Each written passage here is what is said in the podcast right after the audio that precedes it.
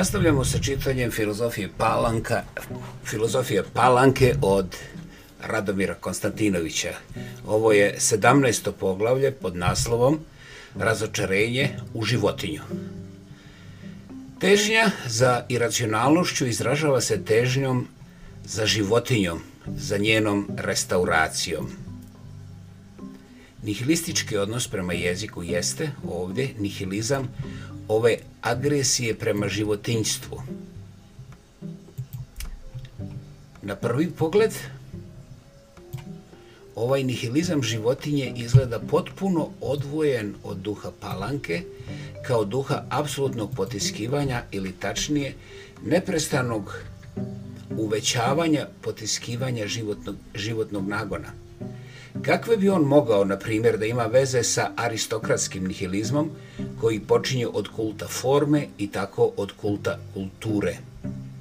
Pa ipak, on je upravo ovim kultom forme u dubokoj vezi i to ne samo zbog toga što i on zrači osjećanjem čistog formalizma jezika, već i zato što se on na neki način priprema prije svega formalizmo kulta forme formalizmom, kulta forme, oprostite. Između aristokratskog stava i ovog stava regresije prema životinstvu veza je izvanredno jaka. Upravo je aristokratski formalizam kao najviši stepen potiskivanja duha palanke zatvorenog u svoju neumitnu banalnost, posvećivanje u ovu životinju kao vrhovni ideal.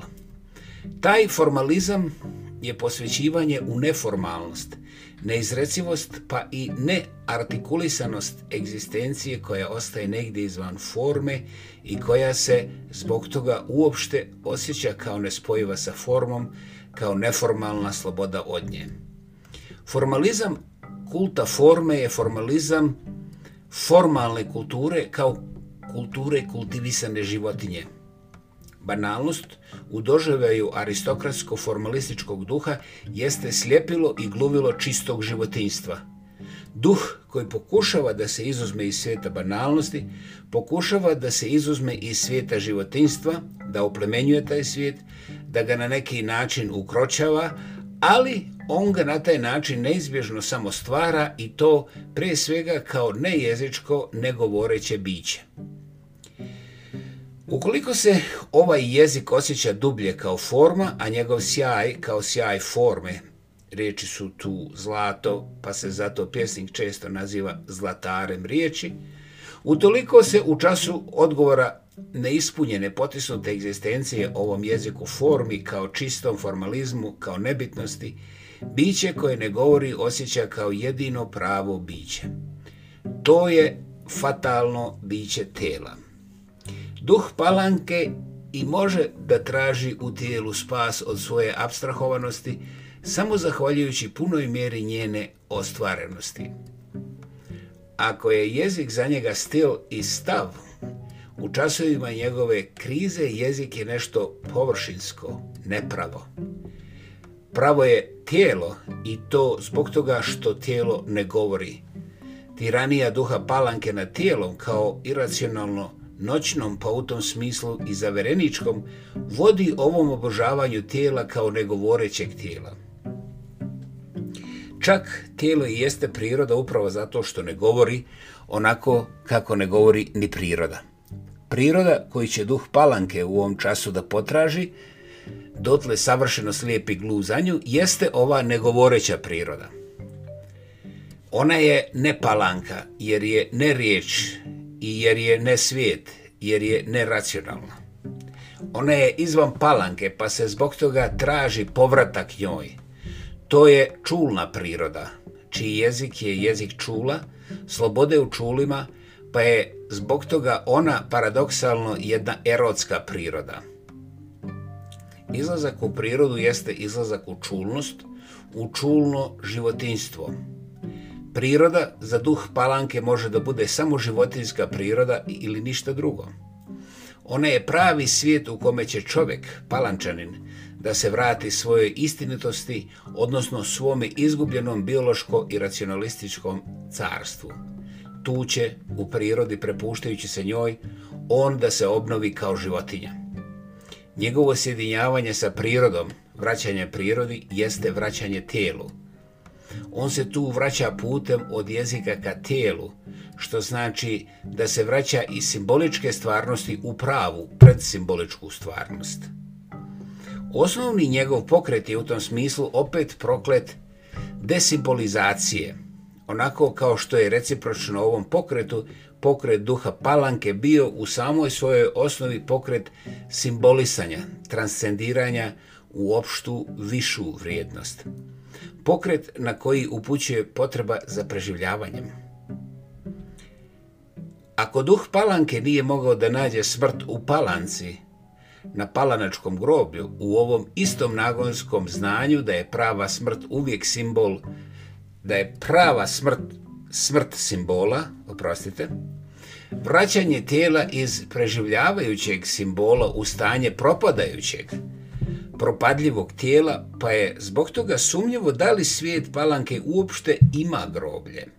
On kao da u ovom pokušaju povratka prirodi, kao prevashodnom pokušaju oslobođenja također, od abstrahovanosti u racionalizovanosti, u simbol, nužno mora da se okreće prema smrti.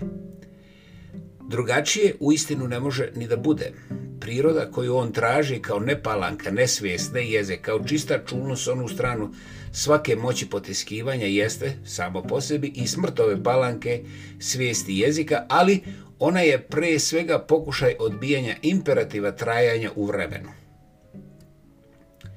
Sama po sebi nevremena, vječeta, ona duhu palanke pobunjenom protiv sebe ne nudi kao prvo i pravoshodno preživljavanje, svoju veličinu koja nas istovremeno ništi kad nas prihvata, izazivajući osjećaj bolnog zadovoljstva, osjećaj sreće od sobstvene neznatosti koja je međutim znatnost prirode pa se tako ukoliko me priroda prima pretvara u moju sobstvenu znatnost kao znatnost jednog dijela prirode.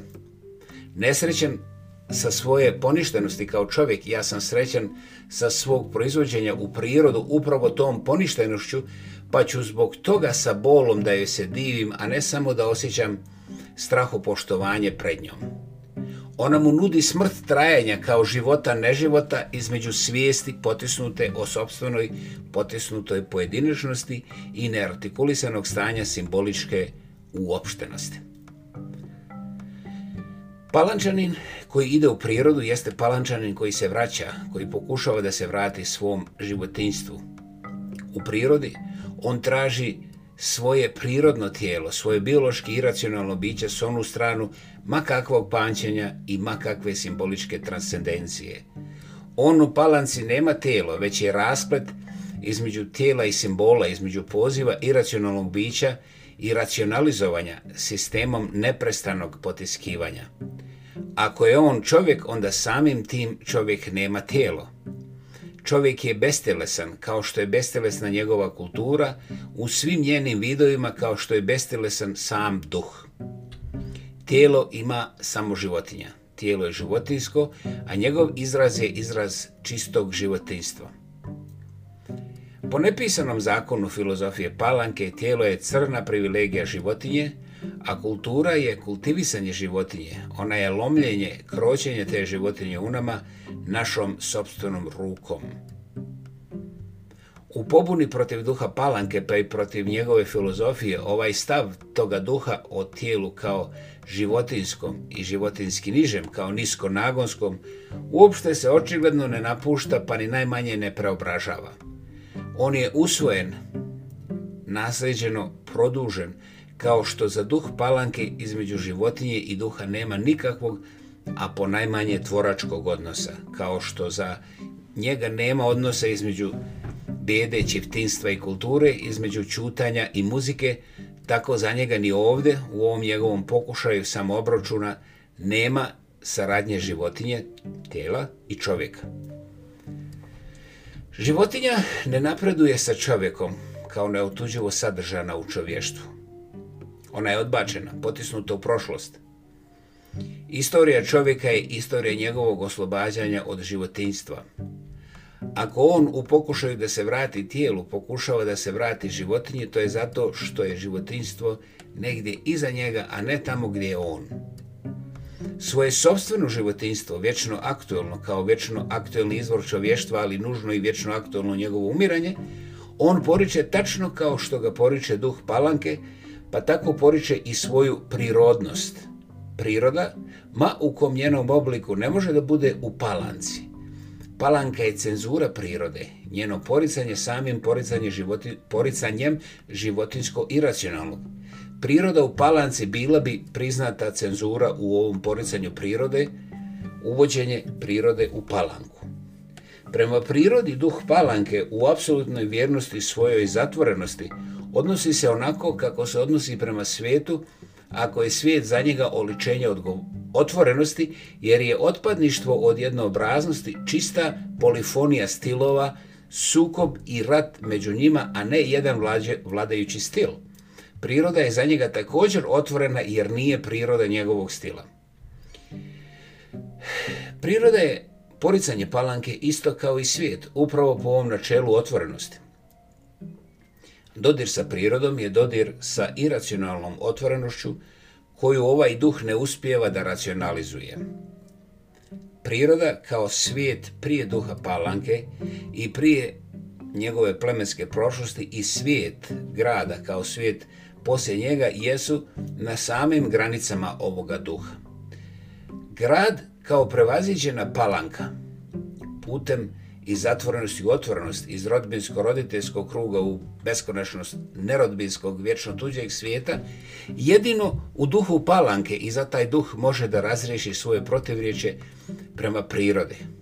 Po ovome svom načelu otvorenosti koje duh palanke nalazi i u prirodi. On je iracionalan jer nije potvrda racionalnosti duha palanke.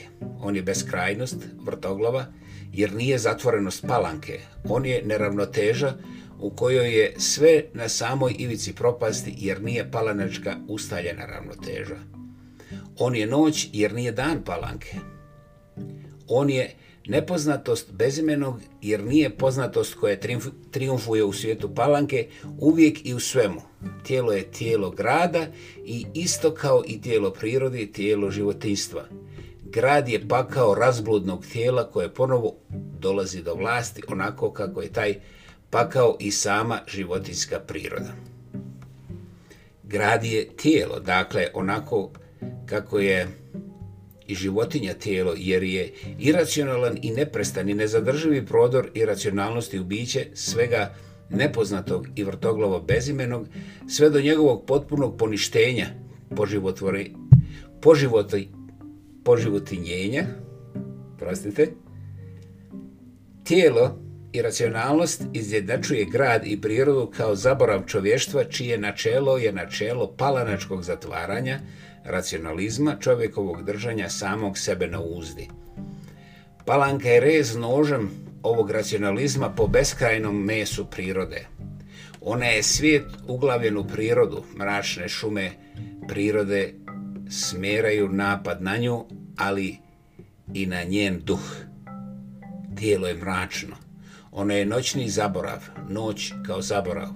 Duh palanke kad se okreće protiv sebe sanjajući da nađe spasenje od sebe u životinstvu, traži životinstvo izvan sebe, u tijelu koje je izvan njega.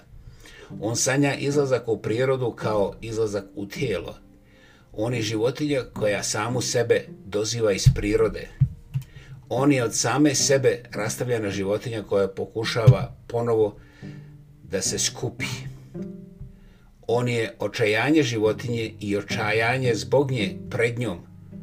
Očajanje iracionalnog bića i očajanje u strahu od toga bića.